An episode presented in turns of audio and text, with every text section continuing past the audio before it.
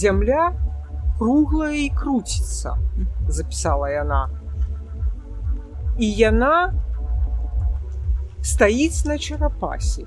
У першых людзей скура была як нашы пазногці. Што вот это пазногці нам засталіся, это напамін пра райскі стах. Ева таксама паэканоміла трохі. Яна купіла нітак не на 5 копеек, а на 3 копейкі. І Бог зашываў, зашываў, не хапіла нітак.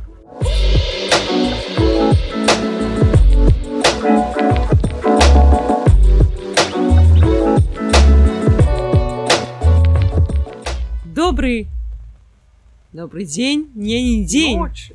нават не ноч тут уже бліжэй до раніцы добрай позняй ночы шаноўна гаспадарства з вами подкаст так склалася гістарычна і я зягель Ганна Гэта пэўна пакуль што самая незвыклая для мяне сітуацыя для запісу подкаста тому что зараз палова на чацвёртую раніцы Ага. ідзе дождж навокал цемра там на маяку на паўвостраве дзе знаходіцца белая царква дыскатэка вакол ходзяць нейкія людзі не спяць і частка з гэтых людзей прыйшла не спаць сюды на запіс нашага подкасту я вас вітаю таксама тых хто тут ужывую вы малайцы вы смелыя стойкія адчайныя людзі а у нас у гасцях подкасту фальклорыст даследчык алена михайловна боганева віталіна михайловна Добрай ночі, добрай ночи алена Михайловна. дарагія сябры. Дзякуй Да. вялікі што вы пагадзіліся на маю прапанову такой авантуры для мяне гэта таксама авантура мы з вами дамовіліся абмеркаваць такую тэму як беларускі сусвет так? У якім плане мы з вами плануем вось абмяркоўваць такое паняцце як беларускі сусвет? Ну, я думаю, што у плане легенд пра яго паходжанне. Перш за ўсё Пры тым што гэтыя легенды самае цікавае яны захаваліся да сённяшняга дня. Амаль што да апошняга часу. Хаця традыцыя вот легендарная менавіта яна згортваецца на жаль просто такое ўражанне зараз што не просто з кожным годам а з кожным месяцам адыходзяць людзі старэйшыя а з імі адыходзяць э, я калі пачынала працаваць гэта было ў сярэдзіне яшчэ 90-х уявіць сабе. І я размаўляла з людзьмі м, 1901 году нараджэння скажем а, 12 это быў ну такі э, канешне уже сталыя людзі але не больш таго. 17 18 год 1900 Да, ну, ну ясная справа. вот. э, Потым гэтае пакаленне, притым яно было пакаленні гэтыя былі пакаленні вуснай чыстай традыцыі, не пісьмовай. А это прынцыпова розныя светы, розныя мысленне. У чым вы хацелі Так, так, так. У чым прынцыпова адрозненне вуснай традыцыі ад пісьмовай традыцыі? Не, ну відавочна, што э, пісьмовая традыцыя можа накапліваць інфармацыю бясконца. І ну вот мы зараз э, жывем у такім свеце інфармацыі, што мы не можам сказаць, што мы валодаем інфармацыяй людзі. Уже такое ўражанне, што інфармацыя валодае людзьмі. У вуснай традыцыі прынцыпова не так, таму што і індывідуальная памяць чалавечая і калектыўная тым больш яны змяшчаюць усё ж такі абмежаваны аб'ём не бясконцы і таму павінен быць адбор. І вот это якраз гэты адбор вусная традыцыя вельмі кантралюе. Выпадковага нічога не застаецца. Яно можа быць нешта вот з'яўляецца і яно правяраецца вот на трываласць менавіта тым што ці пайшло яно далей ці яно знік Мгм.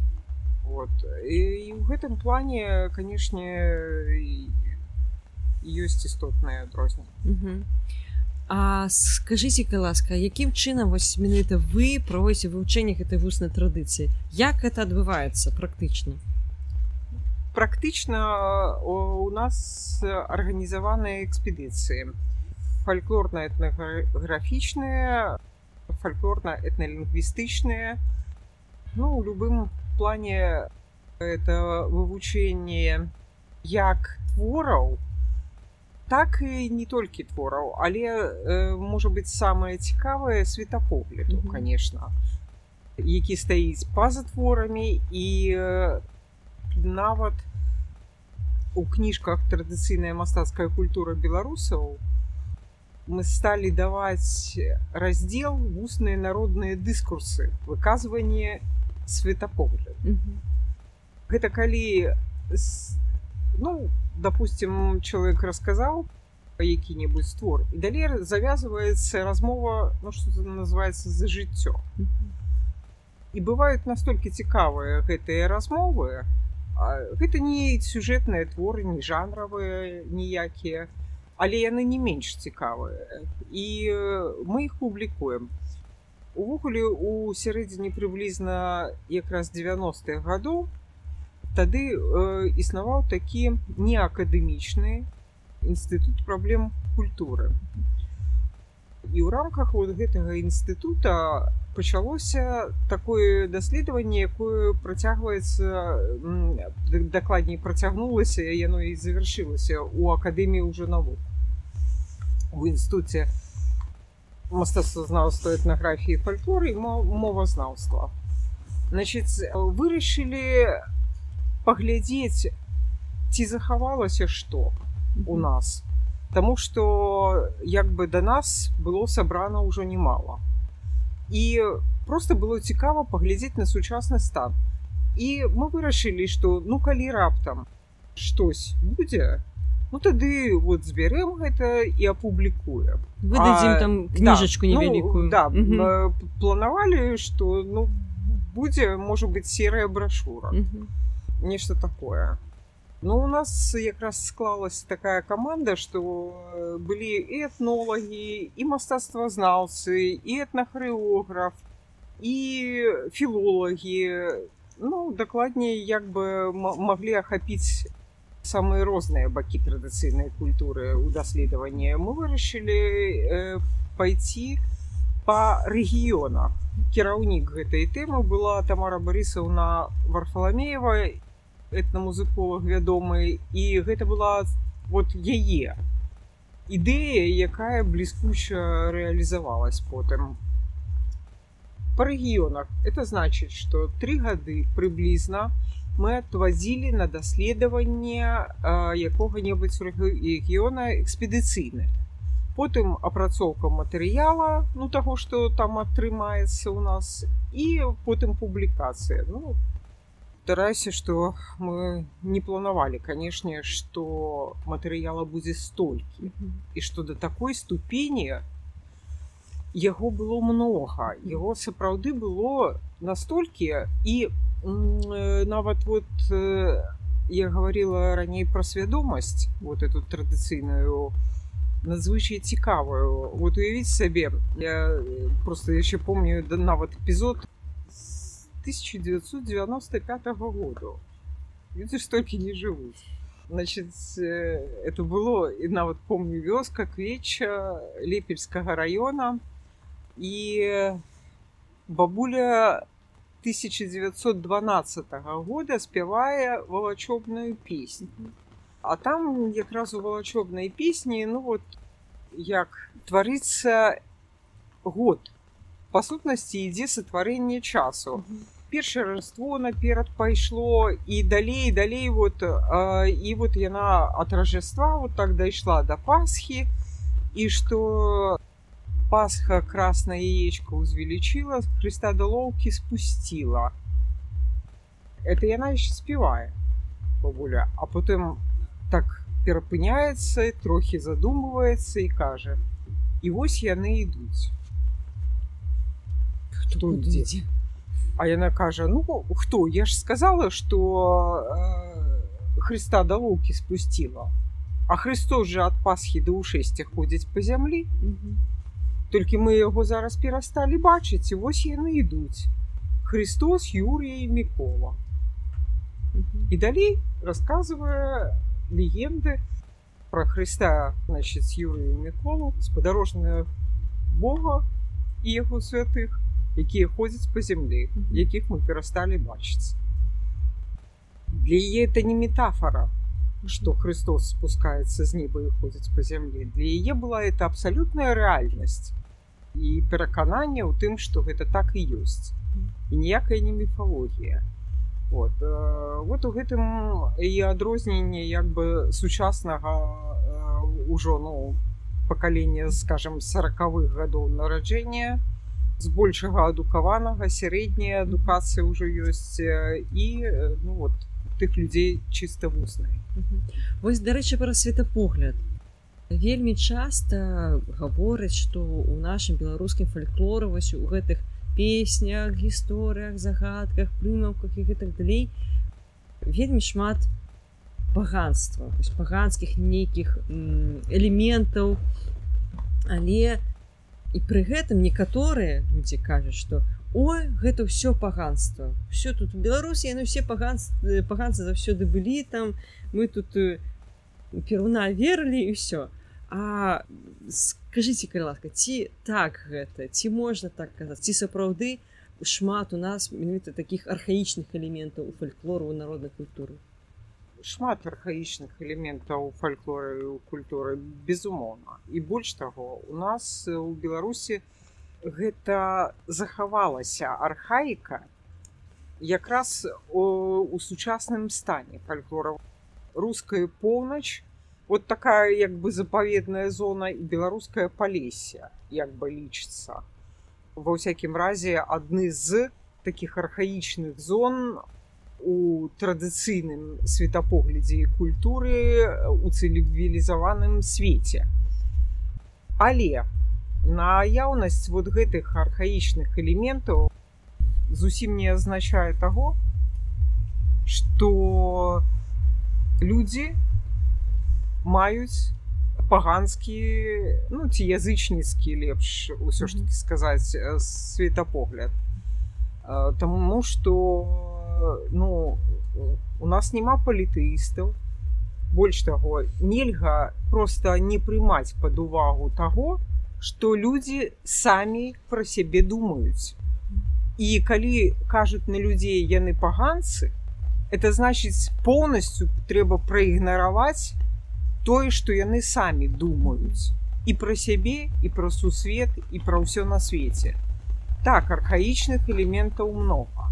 Так, вусная традыцыя безумоўна адаптуе хрысціянскую традыцыю для сябе, для сябе і яшчэ ў 19 стагоддзе ужо вот э, гэта пачалося вот это усведамленне нават э, з царкоўных колаў і быў такі прафесор знаменскі які казаў что мы прапусцілі самае цікавае як народ засвоіў вот это хрысціянскую традыцыю якім чынам праз якое праламленне якую трансфармацыю безумоўна яна ёсць гэтая ну як бы і адаптацыя под сябе і для сябе. І это абсалютна нармальна. Любая наша інфармацыя першым яна становіцца нашай яна павінна адаптавацца вот і народная культура адаптуе такім чынам хрысціянства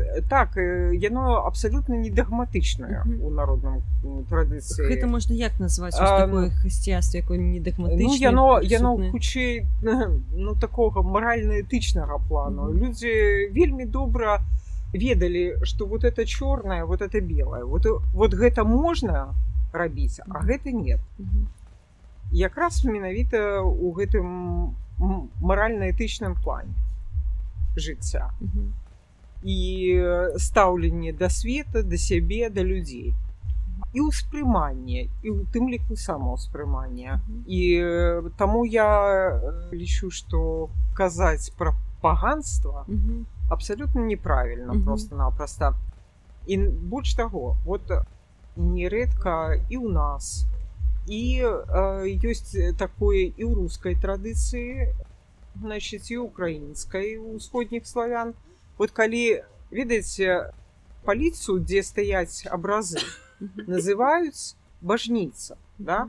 Ручнік якім пакрываюцца абразы называюць набожнік а самі абразы нярэдка называюць багамі палітэізм да палітэізм ніякі не палітэізм вот э, ёсць такі даследчык Андрей мороз які якраз вельмі добра на гэты конт сказаў что якраз вот этыя багі чисто по назве нават калі браць это просто вылучэнне сферы як бы вот будзённага і сакрального боскага як такога. Але яны не ўспрымаюць іх як сапраўды багоў что вот это. Хотя вот у маўленні вот такое можа быць. Яны могуць такое сказаць что вот гэта багі. Пачынаеш удакладняць у прынцыпе вот ну я уже сама з гэтым сутыкалася і на нашым палесе у тым ліку людзі адрозніваюць як правіла конечно ну багоў і бога.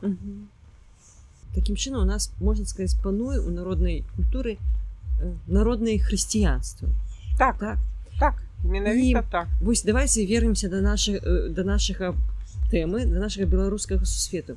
І якім чынам з пункту гледжання вось народнага светапогляду народнага хрысціянства опісвае народная традыцыя народны фальклор сусвет да знаете тут вельмі цікава конечно. Значит тут вы вельмі так корректно задали пытание наконт описания сусвету. Тому что космогонии як такой ну цяжка сказать что яна ёсць у беларусаў э, ну як скажем у тых же самых грекаў ну, бок, а, я, я патлумачу да. просто для слухачоў. Космогониях это такой сталы міф сістэма міфалагічна як ствараўся сусвет як ён так. збудаваны. Так так. Нават ніяк збудавана менавіта з таго як ён пачынаўся як ён ствараўся. У нас зараз пра гэта расказваюць толькі ў русле так званай народнай бібліі. Ну мы можемм потым трохі пагаварыць пра народную біблію што гэта такое. Значит вот это светаапісание тут ёсць вот такія моманты у нас дайшоў як бы слой таким зафіксаваны этнографамі і фальклорыстамі 19 стагоддзя ну прыблізна сярэдзіны 19 стагоддзя вот пачалі записываць народную прозу вот этого кшталту якраз і вот яна дайшла до нашага часу. Потым мы у гэтым плане яшчэ что вот цікава. Мы як бы калі э, гаворым про традыцыю то то мы не падымаемся ўверх вот як а, з пісьм ну вот існуе старажытная пісьмовая крыніца і мы адразу ну джерала, да, э, падымаемся зверху як бы ўжо наверх. А тут наадварот. По сучасным стане по, по тых рэштках что захаваліся на сённяшні дзень потым той што зафіксавана ўжо вот нашими этнолагамі якім ну сапраўды можна давяраць бо традыцыя паўтараецца і этой фіксацыі не адзінкавая і яны просто ну адлюстроўваюць нейкі сапраўдны стан. А тады як ну часам чытаеш у інтэрнэце варыянты і беларускіх касмагоній і чаго хочаш это вот ведаеце твари выдумывай пробуй хотя насамрэч ну, фальклорысту так працаваць канешне катэгарычна забаронена і пра вот это як уяўлялі сябе пабудову сусвету вот цікава глядзіце у беларусаў няма мора. І ніколі не было. Ну на нашай ва ўсякім разе тэрыторыі мора далёка як бы там не было. Тым не менш пра мора беларусы ведалі заўсёды. Яно пранізвае увесь фальклор. Больш таго рака дунай дзе ў нас? Дзе ў беларусаў рака дунай. Вот. Дзе дунай дзе беларусы. Тым не менш у нас фігуруе і дунай таксама і это якраз э, нас вядзе да надзвычай цікавага пытання на якім мы зараз просто не будзем спыняцца але да праславянскай і нават кажуць да індаеўрапейскай пра радзімы якая была не тут. І вот яшчэ аж з той крыніцы до нас даходзяць водгукі так э, вот э, пра светапабудову вяртаючыся тое што зафіксавана э, нашымі этнографамі рамадавым шейнам дабравольскім федероўскім захаваліся наступныя светаапісанні што зямля стаіць перша на рыбе.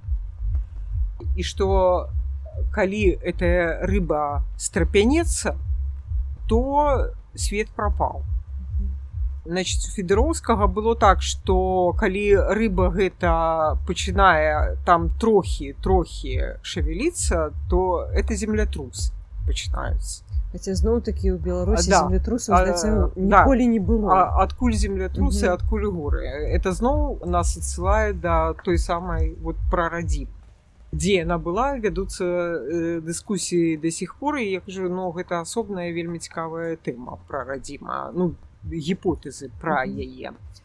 Потым зямля стаіць на трох кітах кіты. Ну гэтак жа самае як і мора дзе мора там і кіты і на трох кітах.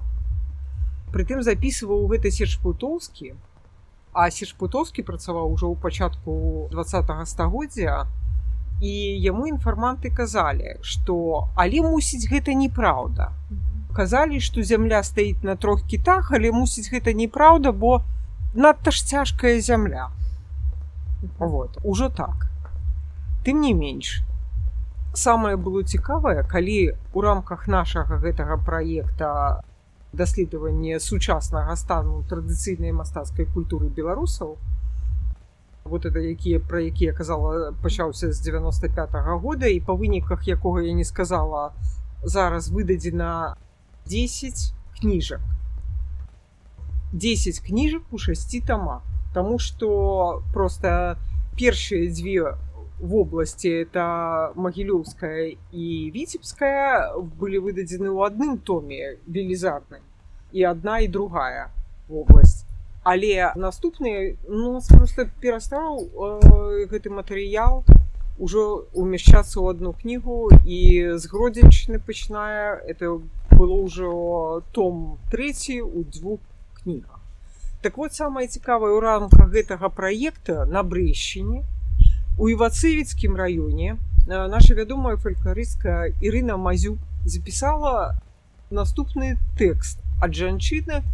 Ну я не помню дакладна, ён апублікаваны якраз вот у, у томе традыцыйная мастацкая культура беларусаў заходняе палесе брэская палесе значит что зямля круглая і круціцца запісала яна і яна стаіць на чарапасе Ірына пытаецца но а як же яна круглая круціцца і на чарапасе інфармантка ёй упэўнена адказвае ну так а что тут дзіўнага? Яна круглая круціцца на чарапасе лагічна да.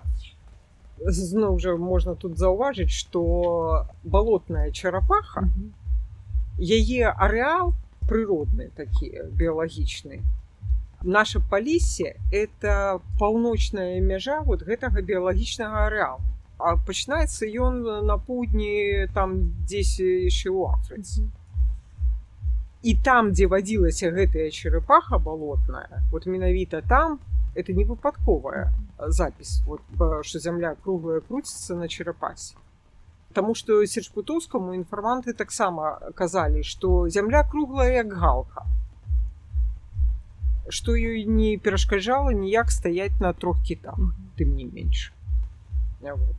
Так что, ну, такие были светоописания, так сказать якія ну ўжо захаваліся ну толькі толькі у водгуках mm -hmm. ну і у прыватнасці вот гэты сучасны пра які я сказала А адкуль узяўся сусвет ці ёсць нейкія легенды паданні інтэрпрэтацыі адкуль сусвет пайшоў ну якраз мы з вами трохі казалі пра гэта ўжо што касмагоні як такіх у беларусаў фактычна няма. Але ёсць інтэрпрэтацыя святого пісання.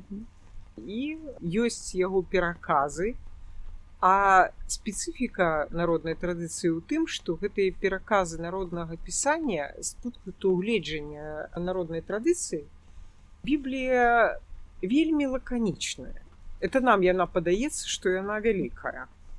Ім заўсёды падаецца, што яна ну, занадта э, сціслая і яе можна ну, развіць, што называецца.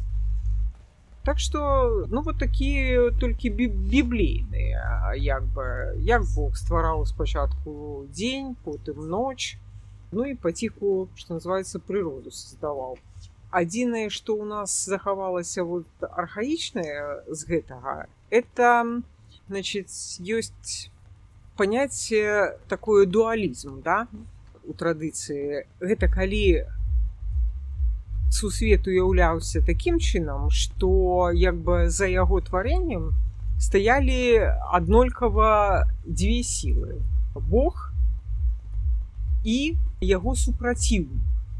Притым а іншым разам нават не абавязкова супраціўнік это маглі быць нават птушки вот такая адна са старажытнейшых усё ж такі касмагоні якая захавалася это яна умоўна яе можна назваць нырец за зямлёй что спачатку у сусвеце было одно мора одна вода. І вот Бог вырашыў сотварыць свет. І тады ён сказаў або птушцы якой-небудзь даў загад ну водаплаваючую вядома або вот свайму таму самому супраціўніку прынесці са дна мора трохі зямлі з якой ён развядзе як бы гэты самы сусвет. І вот ну там дзе ўжо размова ідзе пра яго супраціўніка той прыносіць але думае ну я ж пагляжу як Бог будзе тварыць гэты сусвет і я гэтаксама зраблю ён захоўвае ў роце трохі зямлі і вот Бог сотварыў свет. Спачатку не было ні гор ні балот было ўсё роўна ўсё прыгожа ўсё было ну, не так як зараз.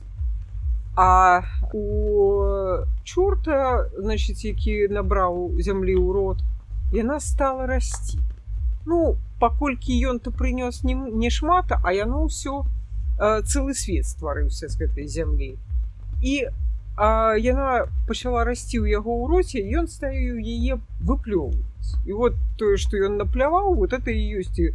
Там дзе і горы з'явіліся такім чынам і балоты ну для беларусаў горы былі нечым настолькі экзатычным як бы там не было что ну вот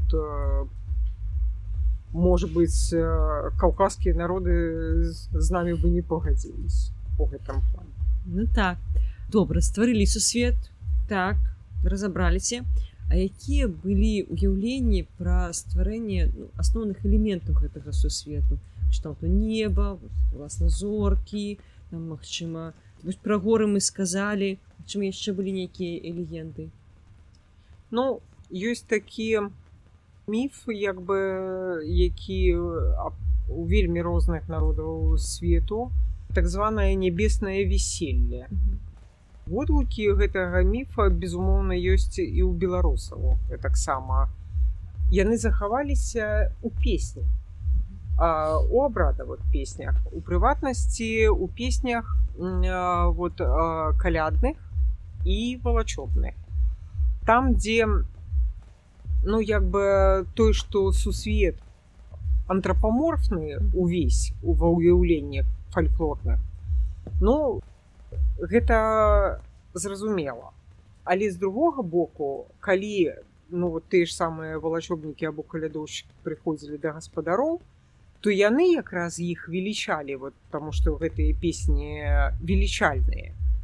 Яны услаўляюць гаспадара гаспадыню дарослых дзяцей параўноўваюцца заўсёды з нябеснымі свяціламі у загадках это захавалася зноў жа што э, як бы небесны шлюб это шлюб месяца і сонца і зоркі як іх дзець але гэта ну зноў жа не як міф а як яго водумкі у нас захавалася захаваліся нават ужо з тых часоў калі только пачалі гэта фіксаваць у 19 стагоддзе тому что 19 стагоддзе ну сваім родзе гэта таксама сучасны стан можна сказаць у параўнанні з тымі тысячагоддзямі традыцыі якая на існуе.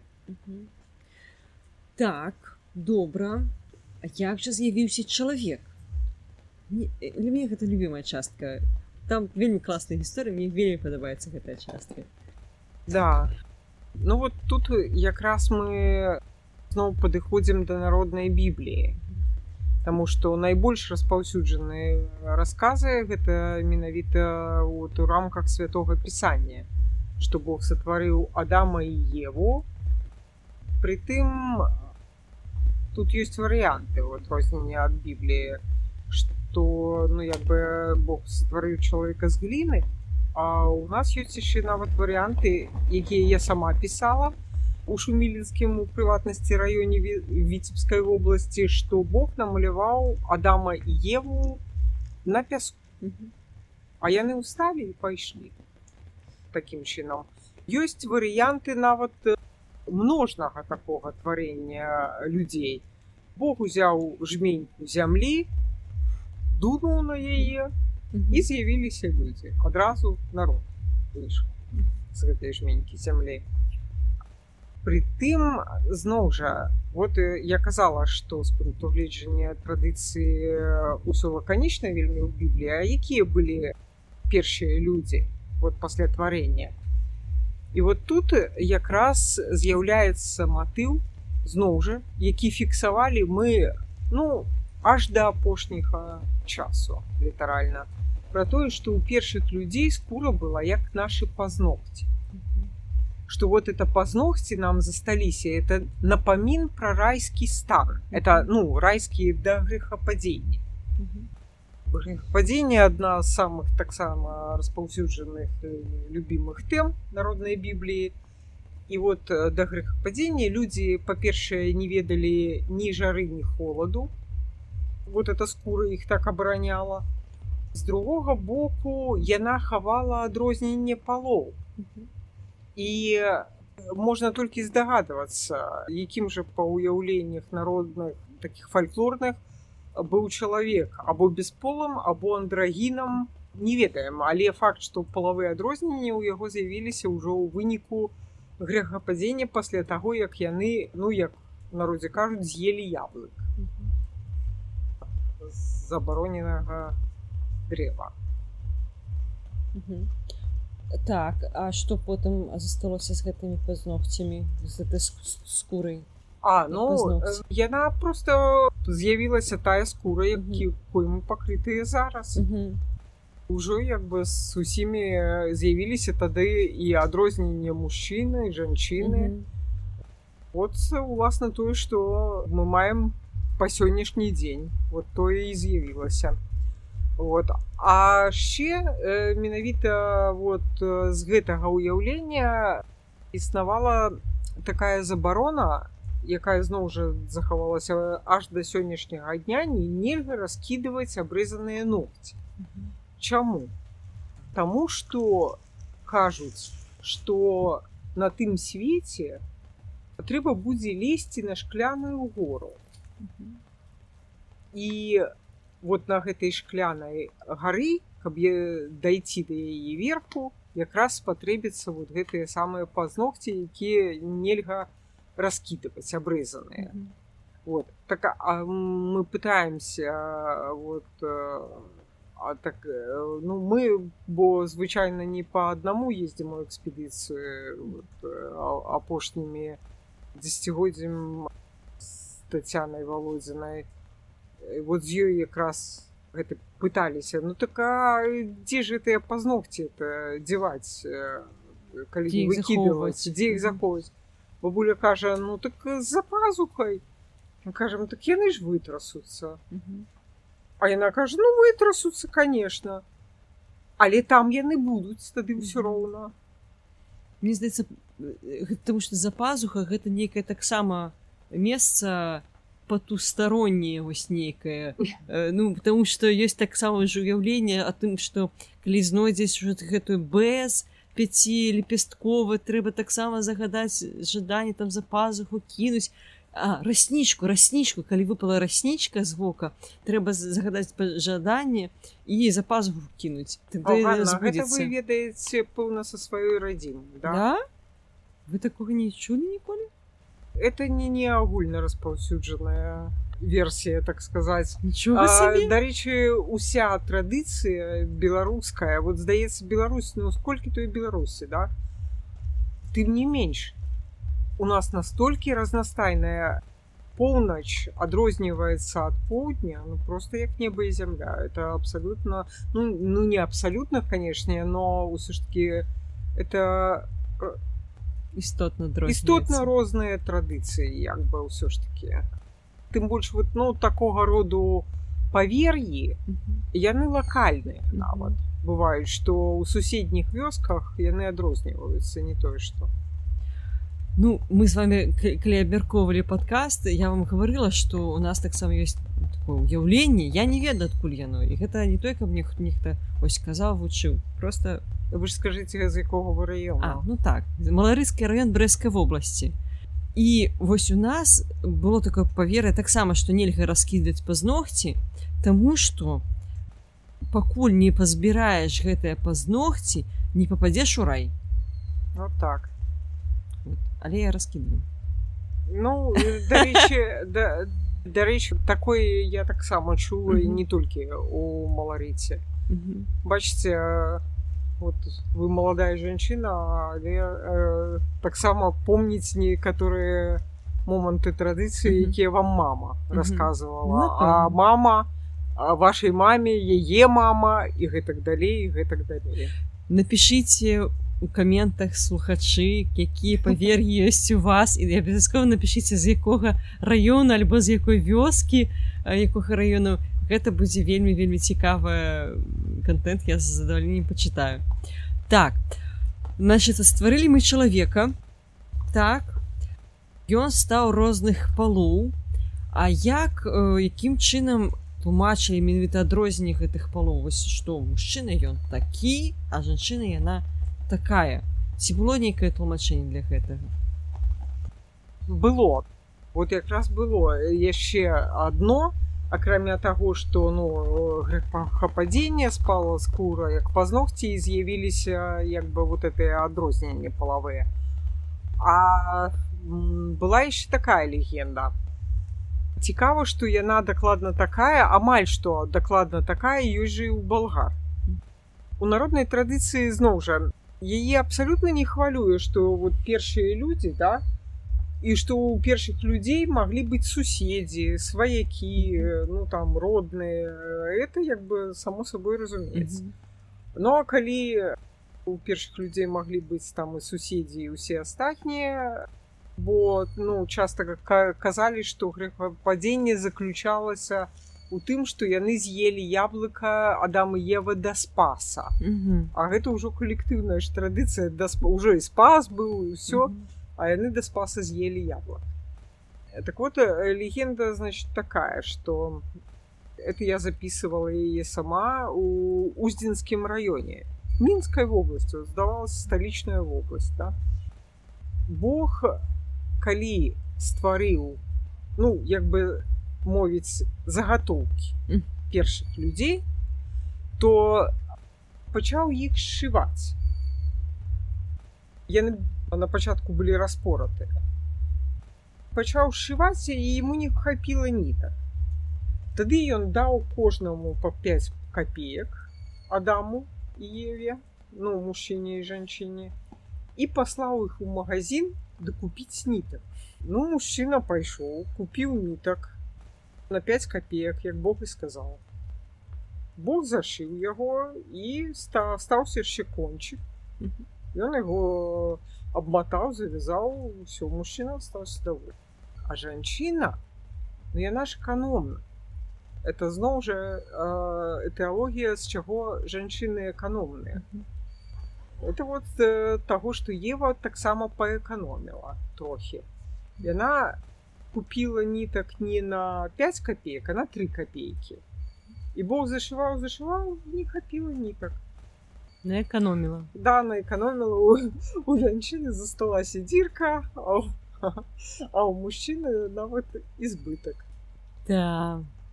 Слухайце з'явіўся чалавек а ці былі яшчэ нейкія легенды э, звязаныя з ну з тым які чалавек вось як он развіваецца чаму яго такі ці іншы характар можа быць нейкая про ну, прырода чалавека як бы ну вельмі мне падабаецца асабіста вот легенда даволі распаўсюджаная у нас.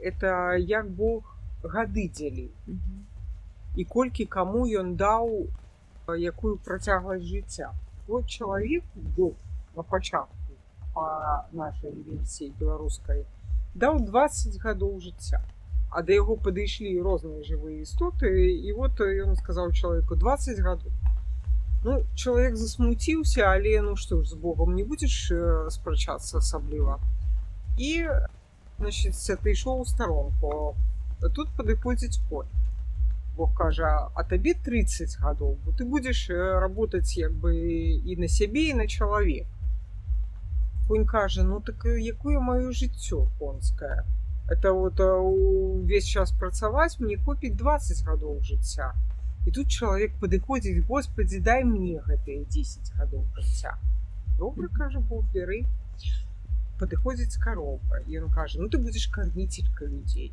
ты ж будзеш не толькі сябе карміць але і людзей карміць таму табе таксама 30 гадоў жыцця карова кажа што Господи ну конечно маё жыццё не конскае але ўсё ж таки дуюць і з э, цябе цягаюць не купіць 20 гадоў жыцця і чалавек зноў Господи дай мне гэтыя 10 добра бяры забраў Потым падышоў сабака.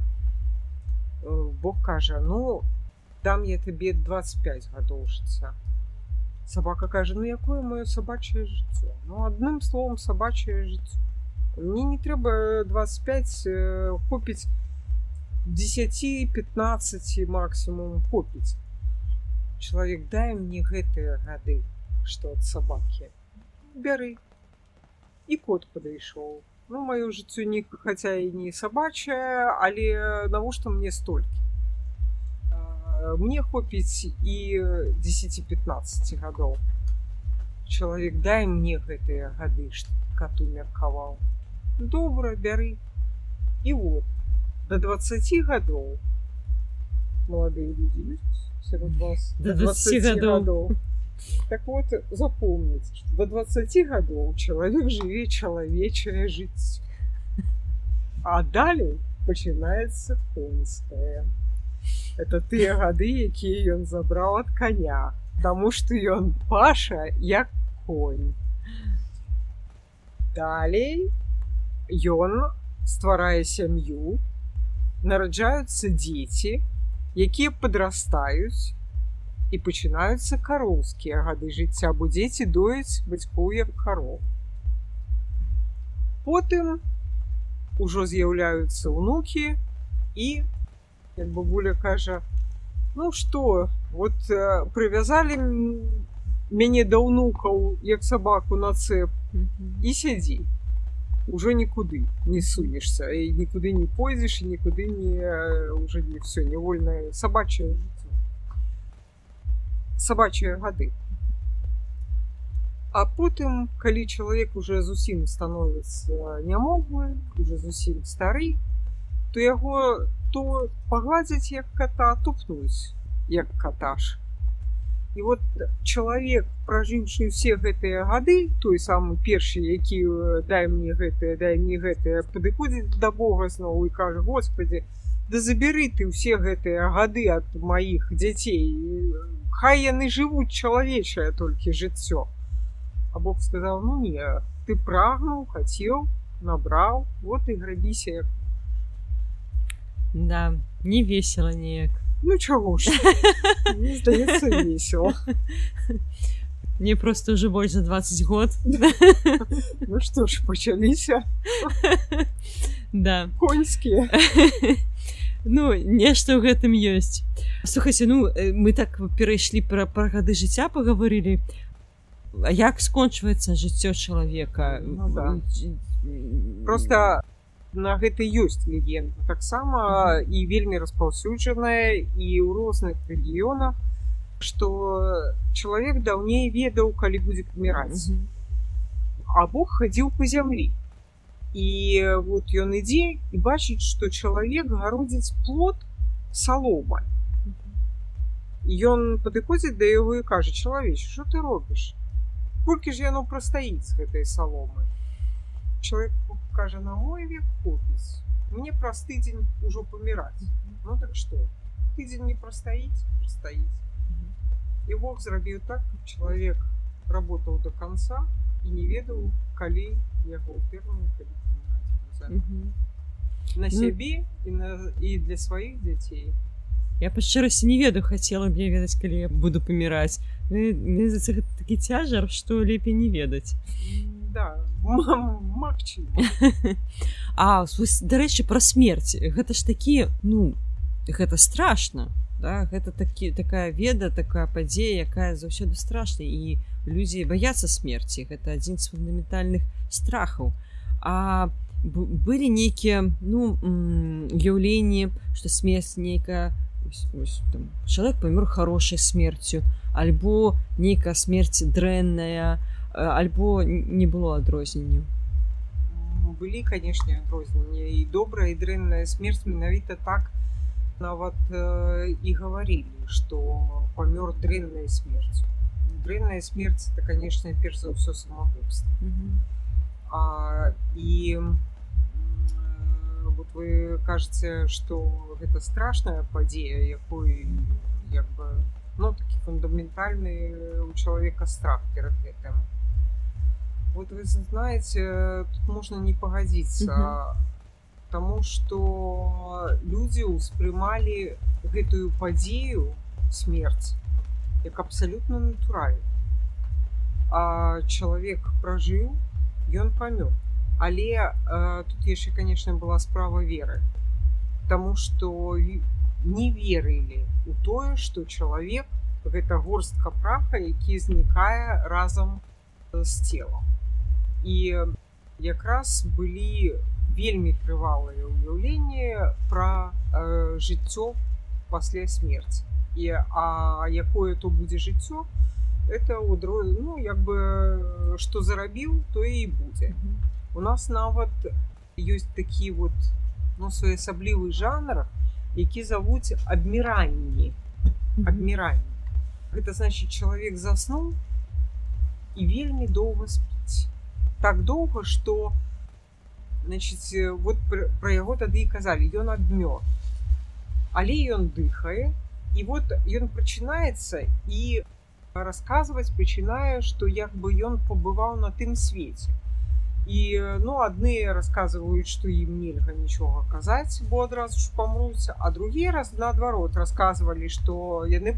былі у раі что яны былі у пекле яны бачылі э, на свае вочы ну вот і нават рассказывалі за якія э, грахі якое пакаранне. Вот неаднаразова нават яшчэ нам даводзілася записываць что ўсё что ты скраў на тым свеце будзеш насіць на сябе. І мало того что іншым это будзе вельмі цяжка насіць. Так усе будуць гэта бачыць. А як вось адбываецца магчыма гэты суд ці нейкія ну, размеркаванні паміж адам і раем? Ёсць такі ўяўленні ці ці не, няма?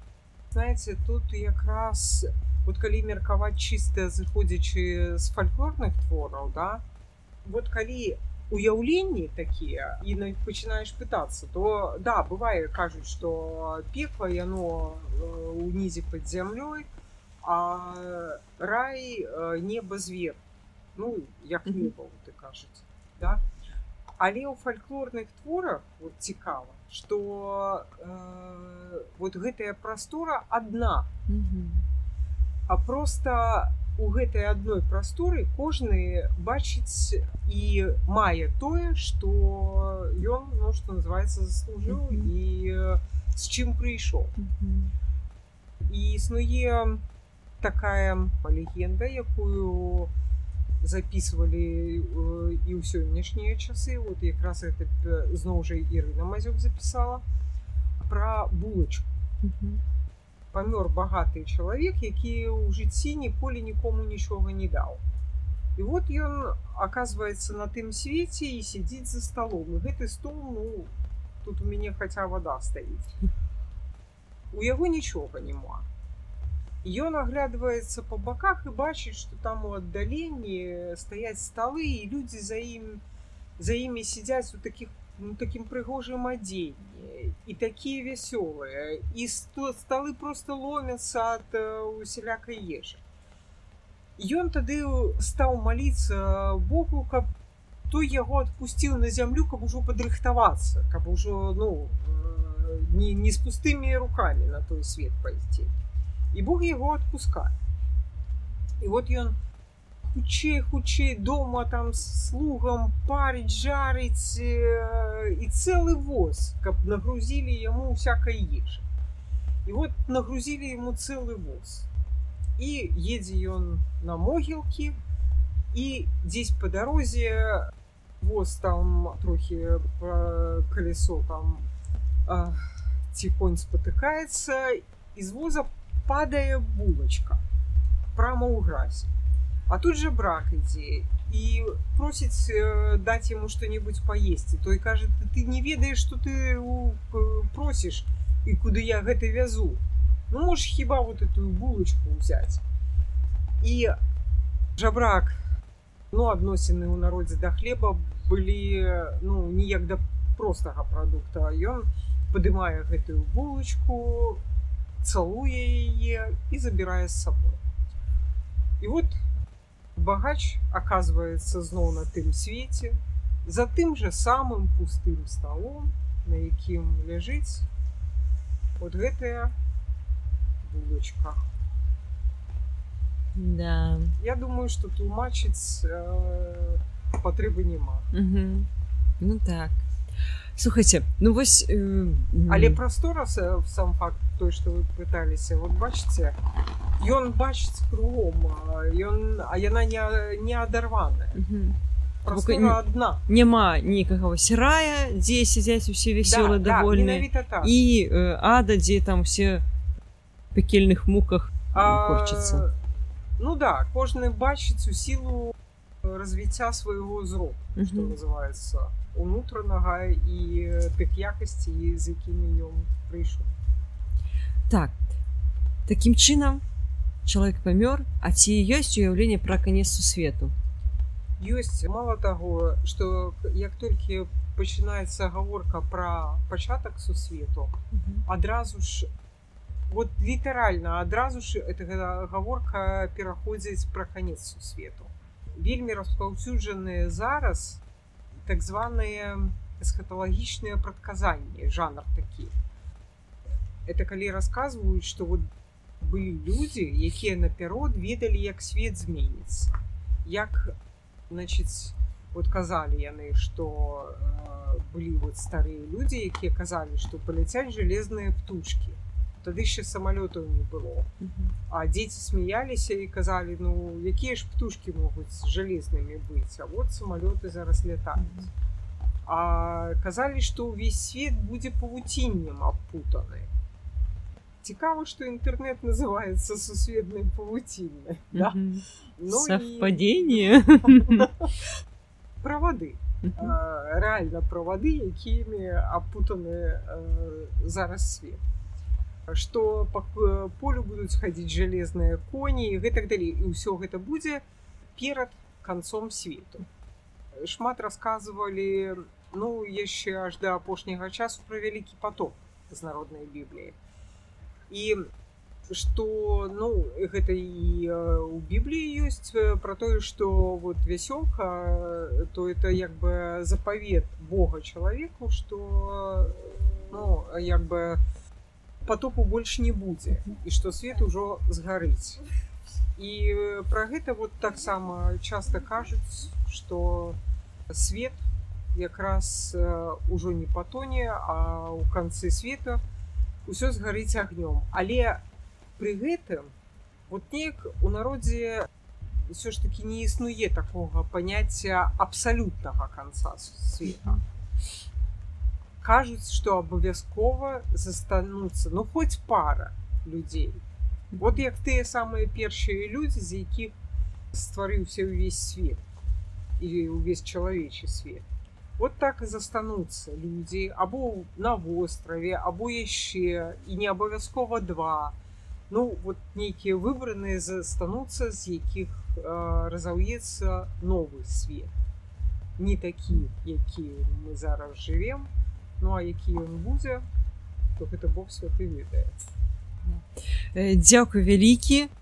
У нас яшчэ ёсць крыху часу і мы можемм калі у вас ёсць пытанні вы можете задаць пытанне мы паспрабуем на іх коротенька адказаць. Так. Вось мы была нейкая гаворка про хрысціянства і да. толькі я ведаю Кіев хрысцілі праз Дняпро ну то бок хрысцілі Дняпро усе у ім памыліся і вось мы хрысціяне як хрысціліся беларусы альбо народы якія пражывалі на тэрыторыі сучаснай беларусі як, як адбывалася па-першае хрышчэнне як бы беларусі прымеркавана ну калі русь это 988 год то беларуся это гады стварэння першай полацкай епархіі. Это ганна вы мяне папраўце вы ж гісторыка не я калі што. То 90 992 год. У летапісах не захавалася апісанне такога вот як масава да вот что масавага хрышення что яно было ў ракі у рацэ пэўнае ну такога таких звестак просто няма ну а якое было індывідуальнае хрышение ну і відаць просто прыблізна такое ж як яно і зараз купілі ну, тут э, я дадам ну, толькі што не крапілі так тут э, я дадам что трэба разумець что не было такого каб усе рэзка сталі хрысціянамі яны нават маглі прыняць хрост але гэта быў фармальны хрост.